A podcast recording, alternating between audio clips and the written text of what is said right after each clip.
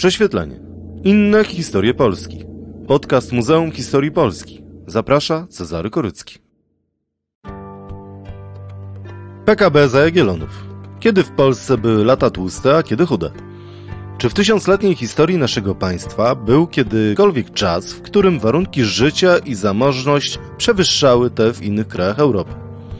Czy kraina Mieszka faktycznie płynęła mlekiem i miodem, a może największy dobrobyt osiągnęliśmy w mitycznym Złotym Wieku, w Rzeczpospolitej obojga narodów?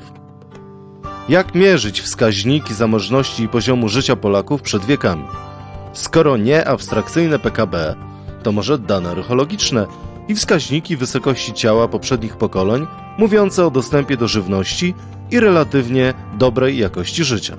Kiedy w Polsce był największy kryzys, który odcisnął się na biologicznej deprawacji naszych przodków?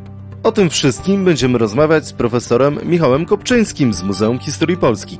Ja nazywam się Cezary Korycki i zapraszam na prześwietlenie. Inne historie Polski. Część pierwsza. Jak mierzyć dobrobyt? Panie profesorze, od 30 lat słyszymy o tym, jak nasze polskie PKB goni kraje, inne kraje Unii Europejskiej. Czy w tysiącletnich dziejach Polski był czas, kiedy to inne kraje zachodu lub południa Europy goniły nasze PKB? Najpierw trzeba zacząć od tego, co to jest PKB, bo to jest ta taka magiczna liczba. Magiczna przez to, że jest jedna i tłumaczy wszystko. I to jest taka liczba, którą się ogłasza mniej więcej raz do roku.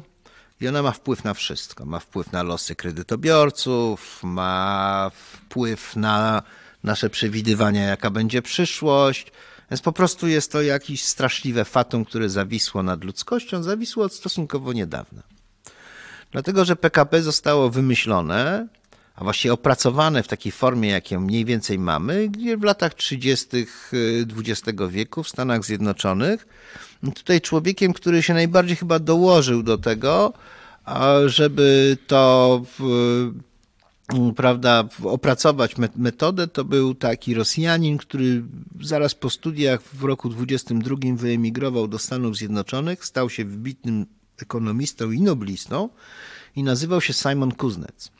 Otóż poproszono go w roku 1930 chyba, czy 32, jakoś tak, w każdym razie w czasie wielkiego kryzysu, żeby spróbował obliczyć, poprosił go Kongres Stanów Zjednoczonych, żeby spróbował obliczyć, jakie to straty kryzys spowodował w gospodarce amerykańskiej.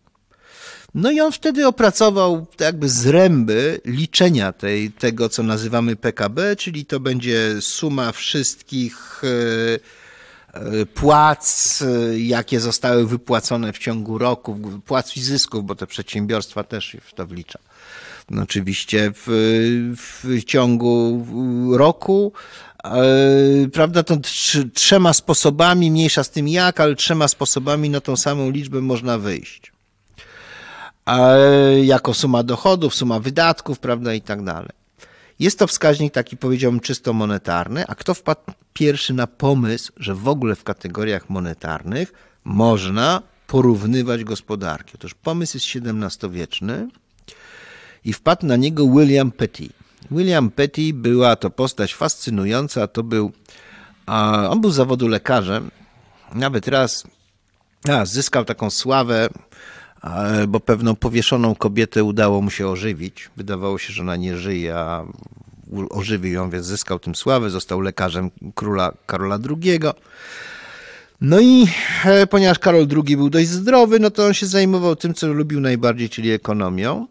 I postanowił wyjść od takiej, od, zerwać z tym, co robili w tamtym czasie ekonomiści, czyli ci wszyscy, co pisali o gospodarce. To znaczy, powiedział tak, że oni piszą tak, bardzo, bardzo dobrze, jeszcze bardziej dobrze, bo nie mieli narzędzia, no po prostu używali słów w stopniu wyższym i najwyższym. A on powiedział, nie będę używał słów w stopniu wyższym i najwyższym, będę używał faktów, czyli liczb. E, no i używając tych faktów, czyli liczb, które, które musiał szacować, bo nie było wtedy takich instytucji jak GUS czy Eurostat, co zbierają liczby, a zadał sobie pytanie, kto ma większy potencjał wojenny, Anglia czy Holandia? Bo one wtoczyły wtedy wojnę. I jakoś to usiłował wychwycić, Stwierdził, że Anglia ma bardzo duży potencjał, ale pod jednym warunkiem. Trzeba zmienić system opodatkowania, bo trzeba opodatkowywać nie majątek nieruchomy, co się normalnie robiło, tylko należy opodatkowywać dochody. Jeżeli opodatkujemy dochody, to wtedy ten potencjał angielski wcale nie będzie mniejszy od holenderskiego, nawet większy i mamy szansę wygrać wojnę. I to jest początek myślenia w kategoriach takich liczbowych o gospodarce, porównywania Anglia czy Holandia. A jak mówię, to przeszło w tej chwili, stało się to takim, to takim liczba fatum. Oczywiście ten sposób liczenia PKB Anglicy udoskonalili w czasie II wojny światowej, planując y, gospodarkę. Niejaki Stone był tutaj tego autorem, dostał też Nobla w latach y, chyba 70. Dopiero zawsze Nobel przychodzi po czasie, prawda? Człowiek w młodości wie na co wydać pieniądze, a jak dostaje Nobla, to już jakby już mu przeszło. Otóż y, E, no i oczywiście Eurostat, agencje, agendy statystyczne ONZ-u, one to koordynują, powodują, że to jest porównywalne. Historycy gospodarczy, kierując się taką myślą, jak miał William Petty, żeby e, móc coś, liczby porównywać, a nie tylko mówić, opowiadać jakościowo, postanowili liczyć to PKB do tyłu. Często daje to bezsensowne rezultaty, no bo jak można wyliczyć PKB, a są tacy, co próbują, Babilonu. No ale jak się cofamy mniej więcej, no może nie do roku tysięcznego, ale do czasów nowożytnych, to już można. Był taki Anglik, już nieżyjący, właściwie Szkot, Angus Madison się nazywał, pracował w, w agendach OECD i on napisał, 2003 rok bodajże było, napisał taką pracę, to się nazywa taka historia świata w liczbach i to jest właśnie takie zestawione PKB dla większości krajów, PKB na głowę liczone w, no, w ciągu, prawda, właściwie 2000 lat. Powiedzmy sobie ostatnie 500 jest dość wiarygodne. Część druga. Czasy Piastów, a może Jagiellonów. Kiedy w Polsce żyło się najlepiej? A co się tyczy kraju Mesko, to on najrozleglejszy z ich krajów. Obfituje on w żywność, mięso, miód i rolę orną. Pobieranie przez niego podatki, odważniki handlowe, idą one na żołd jego mężów. Co miesiąc każdemu oznaczona ilość z nich. Ma on trzy tysiące pancernych, a setka ich znaczy tyle co dziesięcin innych. Daje on tym mężom odzież, konie, broń i wszystko, czego tylko potrzebują. A gdy jednemu z nich urodzi się dziecko, on każe mu wypłacać żołd od chwili urodzenia, czy będzie płci męskiej czy żeńskiej. A gdy dorośnie, to jeżeli jest mężczyzną, żeni go i wypłaca za niego dar ślubny ojcu dziewczyny. Jeżeli zaś jest płci żeńskiej, wydaje ją za mąż i płaci dar ślubny jej ojcu. A dar ślubny u Słowian znaczny, w czym zwyczaj ich podobny do zwyczaju Berberów. Rozmawialiśmy wcześniej o metodologii w liczeniu dobrobytu, jednak słuchacze pewnie chcieliby dowiedzieć się, jak żyło się naszym przodkom kilkadziesiąt pokoleń temu. Przed chwilą usłyszeliśmy, co pisał o państwie mieszka żydowski podróżnik Ibrahim Ibn Jakub, ale co możemy powiedzieć o branym w cudzysłów PKB w czasach Piastów? Więc ten tekst jest dowodem na to, że nic nie możemy powiedzieć. Bo jeżeli PKB jest definiowany jako suma wydatków bądź suma dochodów w gospodarce w danym czasie, to my tutaj nic nie wiemy, bo wiemy tak, że Mieszko miał 3000 pancernych i co miesiąc każdemu z nich daje, nie sprzedaje konie, broń i wszystko, czego potrzebują. I utrzymuje ich dzieci i załatwia im, że tak powiem kolokwialnie, śluby i nie ma tu żadnej transakcji, bo to nie jest gospodarka pieniężna, więc trudno tutaj jakiekolwiek PKB wyliczyć. Z PKB, z indeksami płac jest ten problem, że one odnoszą się w zasadzie do sektora, który, są, który jest upieniężony. My dzisiaj Niezależnie gdzie mieszkamy, w wielkim mieście, w małym mieście, na wsi, w zasadzie wszystkie operacje regulujemy na rynku za pomocą pieniądza, nawet jeżeli on ma formę plastikowej karty płatniczej. Ale wszystko jest za pomocą pieniądza. Natomiast jeszcze nie tak dawno, jeszcze cofając się do okresu międzywojennego, możemy powiedzieć, że znaczna część produkcji w ogóle nie przechodziła przez rynek. Że ludzie produkowali sobie sami to, co potrzebowali. Znaczną część tego, co potrzebowali. Oczywiście nie wszystko, ale to są rzeczy, które są nieporównywalne, więc dla państwa mieszka nie możemy powiedzieć ani słowa o PKB. No dobrze, to jaki wskaźnik może mówić o dobrobycie naszych przodków? Dane biologiczne? E, tak, to jest jeden z elementów, to są te dane biologiczne i powiedziałbym tak, e, to wychodzi z takiego buntu przeciwko PKB. Bunt przeciw PKB podniósł się wśród samych ekonomistów. Jego sprawcami był e, wybitny hinduski ekonomista i też noblista Amartya Sen i Mahbub ul Haq, pakistańczyk. Zresztą oni stwierdzili, że PKB jest złym wskaźnikiem, jest tylko i wyłącznie monetarne. Trzeba do niego dołączyć inne wskaźniki. Jakie? A więc trwanie życia, przeciętne trwanie życia, to było odpowiadało standardowi życia, prawda, takiemu czysto biologicznemu. E, do tego trzeba jeszcze dodać, oni dodali współczynnik alfabetyzacji. I z tych trzech wskaźników, czyli PKB e, na głowę trwanie życia, alfabetyzacja, budowali jedną liczbę, jedną średnią ważoną, po to, żeby pokazać, na jakim poziomie rozwoju są poszczególne kraje. Od 1990 roku ten HDI, y, tak zwany wskaźnik, jest publikowany. Powiedziałbym tak, kolejność jest ciągle taka sama. Podobno najszczęśliwszym krajem jest Norwegia. Y, być może dlatego mają mistrza świata w szachy ale Magnusa Carlsena, ale generalnie ja bym raczej Norwegii nie kojarzył z tym. Mało słońca, prawda? No ale w statystykach tak wychodzi.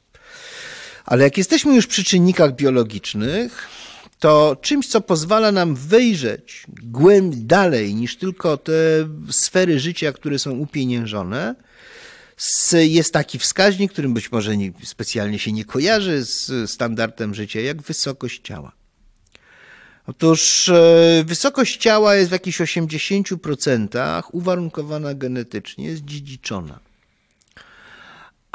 Niemniej jednak pozostałe 20% to są wahania, które zależą od e, stresów środowiskowych, czyli od standardu życia. Jakie to są stresy środowiskowe?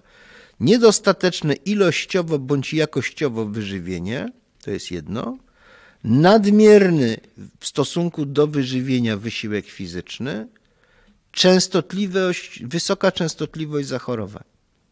I to powoduje, że te same społeczeństwa, złożone z takich samych genetycznie ludzi, potrafią być wyższe bądź niższe. Popatrzymy 50 lat wcześniej, 50 lat później, wyżsi bądź niżsi, a to są ci sami, to są te same społeczeństwa genetycznie od siebie się nie różniące. Widać, że coś się pogorszyło. Kiedyś w XIX wieku uważano, że wysokość ciała jest jednym z elementów e, charakterystyki rasowej. To wtedy uwielbiano te typologie rasowe różne. No ale później to już wielki polski antropolog Jan Czekanowski udowadniał, że wysokość ciała jest w dużej mierze właśnie przez te wpływy środowiska regulowana. I teraz spójrzmy sobie w takim razie na to wysokość ciała, jak ona wygląda w Polsce. Otóż mamy tak, skąd bierzemy dane? Dane się bierze przede wszystkim z, z poborów wojskowych, bo komisje poborowe wytwarzają ogromną masę tych danych, bo przecież każdego poborowego trzeba zmierzyć, trzeba zważyć, prawda, i tak dalej. No ale na ziemiach polskich te dane wojskowe, lepsze czy gorsze, one sięgają nie dalej jak do e, schyłku XVIII wieku. Bo już tam są pomierzeni w żołnierze z wojsk, z armii koronnej, z armii litewskiej z czasów e, Stanisława Augusta Poniatowskiego. Z wyjątkiem szlachty. Szlachty nie mierzyli, uważali, że to jest za bardzo takie jakieś Chłopów można, mieszczan można, szlachty nie. Co mamy wcześniej? Wcześniej mamy szkielety. Otóż jak się wykopuje, rozkopuje cmentarze, prawda, i tak dalej, to mamy szkielety. To nie muszą być szkielety w całości, bo te szkielety w całości bardzo rzadko się zdobywa. Bardzo rzadko się wykopuje. Wystarczą kości długie. Kości długie, które można stosując, e, jest kilka różnych wzorów matematycznych, które pozwalają od długości kości długiej dojść do wysokości ciała, ją oszacować. No i mamy tak. Generalnie w, na całym świecie, w tym także i na ziemiach polskich, jest w ten sposób, że przed rolnictwem, przed neolitem ludzie byli wysocy. Potem, jak osiedli na ziemi, jak zajęli się rolnictwem, jak zaczęli często chorować, jak zaczęli być zależni od nieurodzajów, nie mając żadnej rezerwy w postaci, nie wiem, polowań czy czegoś takiego, to warunki życia się pogorszyły. Nagle stali się niżsi, mało tego, zęby mają bardziej zużyte, na szkieletach widać różne niedobory diety. To się nazywa tak cribra orbitalia. To są taka, taki pumeks, jak się bierze czaszkę, to patrzy, zajrzy się w oczodoły, to takie pumeksowa struktura w górnej części oczodołu pokazuje brak żelaza na przykład. Więc się pogorszyło. I potem, jak już wchodzimy w czasy historyczne, to mamy bardzo sporo mamy cmentarzy z, z wczesnego średniowiecza, a to są wielkopolskie cmentarzystka, więc nie, nie ulega wątpliwości, że to chodzi o naszych. No to jest wysokość ciała mniej więcej ta odtworzona, zrekonstruowana 162 centymetry.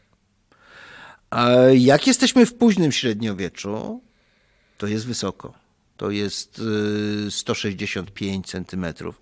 2 centymetry różnicy to jest naprawdę bardzo dużo. Jak wchodzimy w epokę nowożytną, jest obniżenie wysokości ciała. Znowu wracamy do poziomu wczesnego średniowiecza. Dlaczego nastąpiło to obniżenie wysokości ciała w stosunku do późnego średniowiecza? Głównie z powodu zmian dietetycznych. Andrzej Wyczański prowadził badania nad wyżywieniem w XVI wieku, wyżywieniem dość takich szerokich mas ludności. Miał do tego świetne źródła, wykazał, że 83% wyżywienia to było wyżywienie węglowodanami. Udział mięsa był bardzo niewielki. My znamy oczywiście opisy jedzenia, to znamy z różnych opisów takich typu, nie wiem, raz do roku uczta profesorów Uniwersytetu Jagiellońskiego i mamy jadłospisy, no to oni po prostu do nieprzytomności tam jedli. Ale to nie jedli tak raz do roku. E, mamy jakieś opisy Władysława Jagieły, co jadał na każdy obiad 12 e, dań. No ale przecież wszystkiego nie zjadał, bo to były śmiertelne dawki jedzenia. Więc to nie odpowiada tej, tej, tej, tej, tej rzeczywistości. W średniowieczu późnym Wiemy to z prac Marii Dębińskiej, właśnie dotyczących Władysława Jagiełły i jego dworu. Jedzono więcej mięsa, stąd wyższe, wyższa wysokość ciała generalnie ludności. Natomiast, natomiast czasy nowożytne to jest, to jest bardzo wielkie zróżnicowanie. Mięso, białko zwierzęce kosztuje w stosunku do takiej samej ilości białka roślinnego znacznie więcej.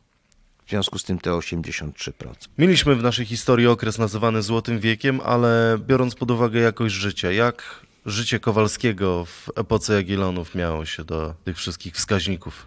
E, no cóż, e, jeśli chodzi o wskaźniki, to mamy takie oszacowanie dotyczące województwa krakowskiego za rok 1583, które pokazuje, że wprawdzie nam trochę brakuje do y, średniego PKB na głowę europejskiego, ale jesteśmy niedaleko.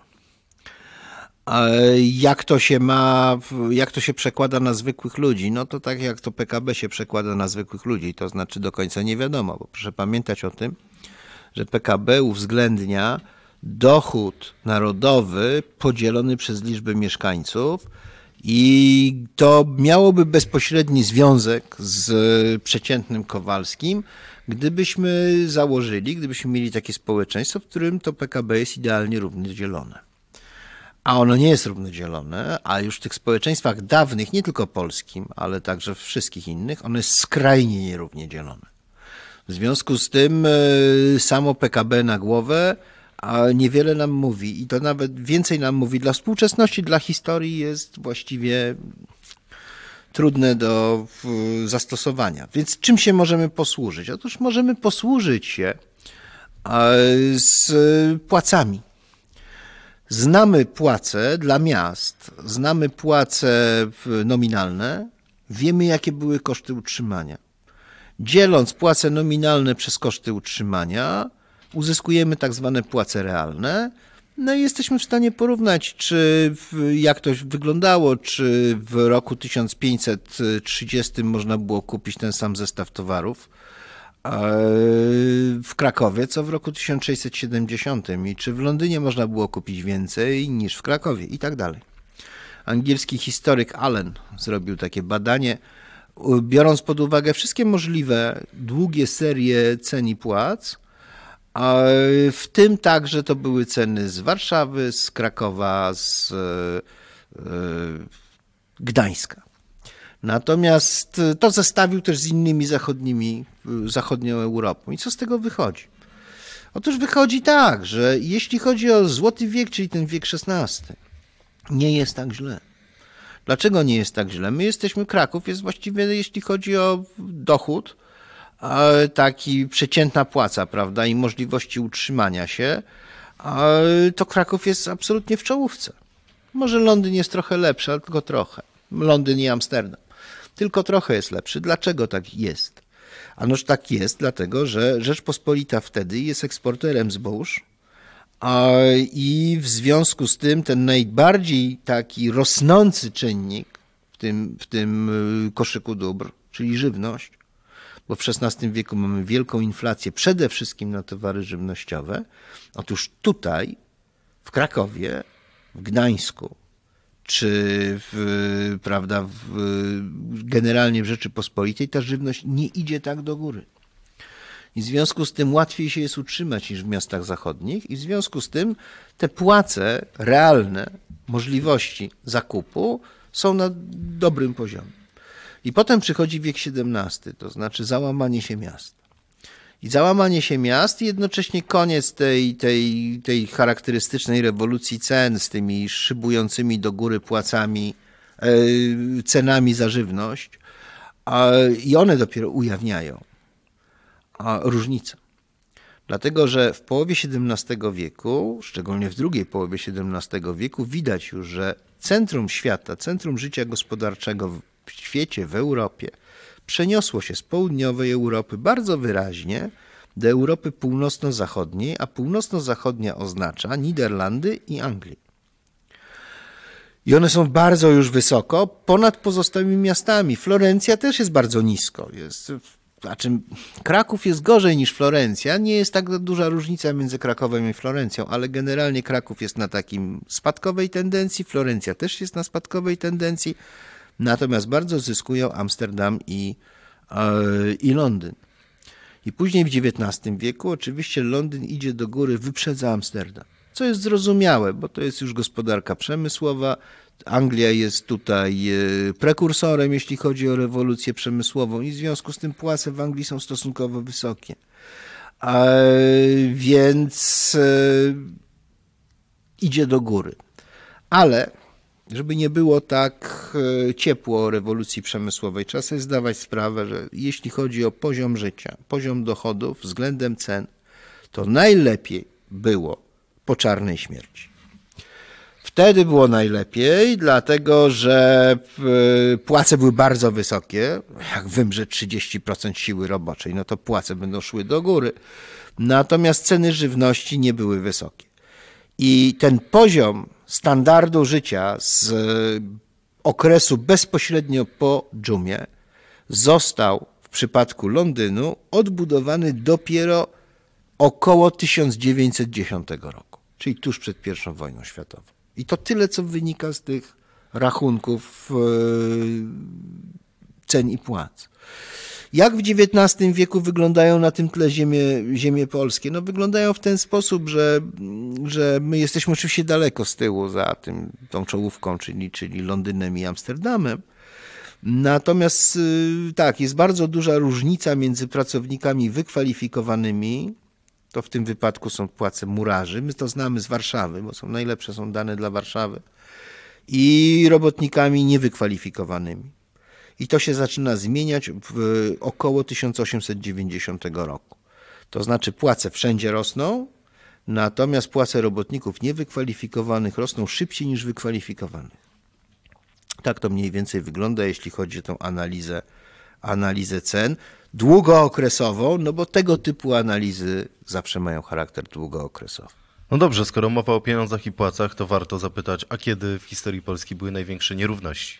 E, największe nierówności z całą pewnością były, jak myślę, w epoce nowożytnej. O średniowieczu trudno mi powiedzieć, ale myślę, że to poziom był taki jak w epoce, epoce nowożytnej. Proszę sobie wyobrazić. A jedziecie Państwo do Kazimierza. Po drugiej stronie Wisły jest miejscowość Janowiec z pięknym zamkiem, zresztą takim odrestaurowanym, odrestaurowanym, utrzymanym w stanie ruiny. A zamkiem Firlejów. I tam wystarczy wejść, zobaczyć. Firlejowie, no to był potężny, to był potężny ród. Oni rzeczywiście tam w okolicach mieli bardzo dużo różnych i miast, i wsi. Ale to nie, to jest powiedzmy sobie tak, to nie jest ekstraklasa polskiej magnaterii. To jest taka, taka zaplecze, bliskie zaplecze ekstraklasy. I otóż ich było stać na to, żeby wybudować sobie taki, taki wielką rezydencję, taki, taki wielki zamek, pałac właściwie. I, I to ich nie zrujnowało. Oni w dodatku byli w stanie to utrzymać. Dlaczego? Dlatego, że był ogromny e, nadmiar jakby pracy, ta praca była strasznie tania. I z tego brały się te różnice. Dzisiaj Bill Gates prawdopodobnie miałby kłopoty z utrzymaniem tego, ogrzaniem i posprzątaniem. Natomiast tamtych czasach Firleja było na to spokojnie stać, bo, płaca, bo praca była tania. Więc to były chyba największe różnice, jakie, jakie były. One się, od kiedy zaczęły się stopniowo zmniejszać, no myślę sobie, że one się zaczęły zmniejszać, to jednak XX wiek to jest ten okres takiego zmniejszania się różnic.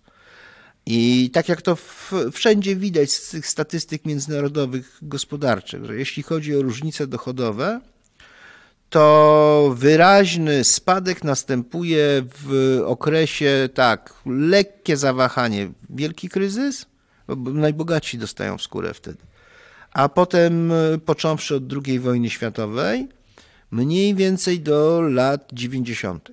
W latach 90. znowu zaczyna się takie rozszerzanie różnic. I w Polsce to też ma miejsce, to znaczy po transformacji 1989 roku aż do około 2005 roku rosły bardzo znacznie zróżnicowania. I od tak mniej więcej 2007 się to, to zatrzymało. Ja opieram się tutaj na nowych badaniach, które dojeżdżają do 2015 roku. Nie, nie potrafię powiedzieć, co jest, co jest dalej, ale tak to mniej więcej, tak to mniej więcej wygląda i w tym względzie e, te dane, o których wspominam, są zbieżne z danymi o wysokości ciała. To znaczy, te wysokości ciała, różnice są znaczne w XIX wieku, one się trochę zmniejszają w okresie międzywojennym zadziwiająco, głównie dlatego, że ci, którzy dojrzewali w latach dwudziestych, stosunkowo dobrych, korzystnych latach, a oni doganiali tych najwyższych. No i potem jest zadziwiająca sytuacja, to znaczy zaraz po II wojnie światowej następuje spadek zróżnicowania, jeśli chodzi o wysokość ciała, i potem przez cały okres E, socjalistyczny, różnice się utrzymały, wszyscy rośli, ale różnice społeczne utrzymywały się cały czas na tym samym poziomie. I dopiero w ostatnim badaniu, które zostało przeprowadzone dla urodzonych e, w 1991 roku, czyli już urodzonych w okresie transformacji, a dojrzewających, mających 13-15 lat, już naprawdę tak, w normalnym tam w XXI wieku. Co się okazało? różnice między grupami społecznymi zaczęły spadać. I teraz pytanie, czy jest to przypadkowa obserwacja, czy jest to trend? Tego nie wiemy, bo przyszłym roku będą następne badania. Więc e, jeżeli ktoś jeszcze będzie chciał ze mną rozmawiać za 2-3 lata, jak te dane zostaną opracowane, to ja Państwu powiem, czy kapitalizm zrównuje ludzi, czy nie. Ale miejmy nadzieję, że kapitalizm ma jakieś, polski kapitalizm ma jakąś możliwość zrównywania ludzi, no może nie pod względem dochodów, ale przynajmniej pod względem ich fizyczności. Część trzecia. Kryzys. Rzecz Polska. Przesuwają się szeregi poborowych, przeważają w nich Żydzi, wśród których spotyka się duży odsetek gruźliczych i obarczonych chorobami serca, źle odżywianych, zwyrodniałych. Przekonywam się naocznie, że wnioski moje w książce Rozwój cielesny proletariatu Warszawy są bynajmniej niemylne, choć czyniono mi zarzuty, że je opieram przeważnie na badaniu chorych.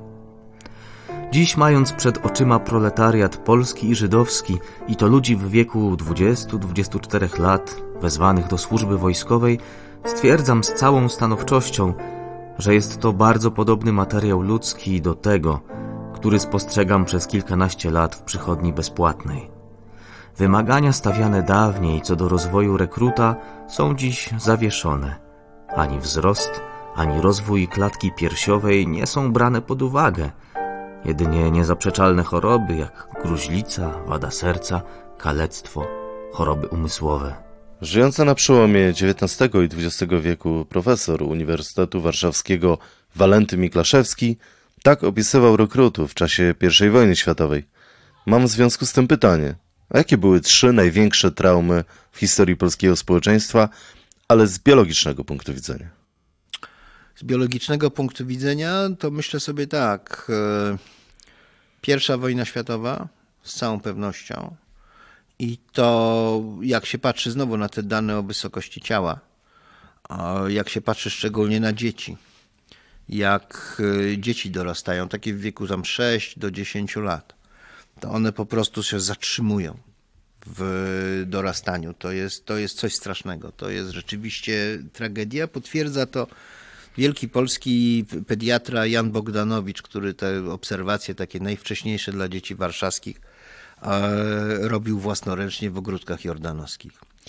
Pisząc po II wojnie światowej, zresztą pisał w ten sposób, że II wojna światowa była okropna ze względu na terror, na świadomie stosowany przez okupanta. Natomiast z punktu widzenia e, takiego czysto biologicznego wyżywienia, ona była nieporównywalnie lżejsza niż to, co się stało w czasie I wojny światowej, która była po prostu gigantycznym głodem.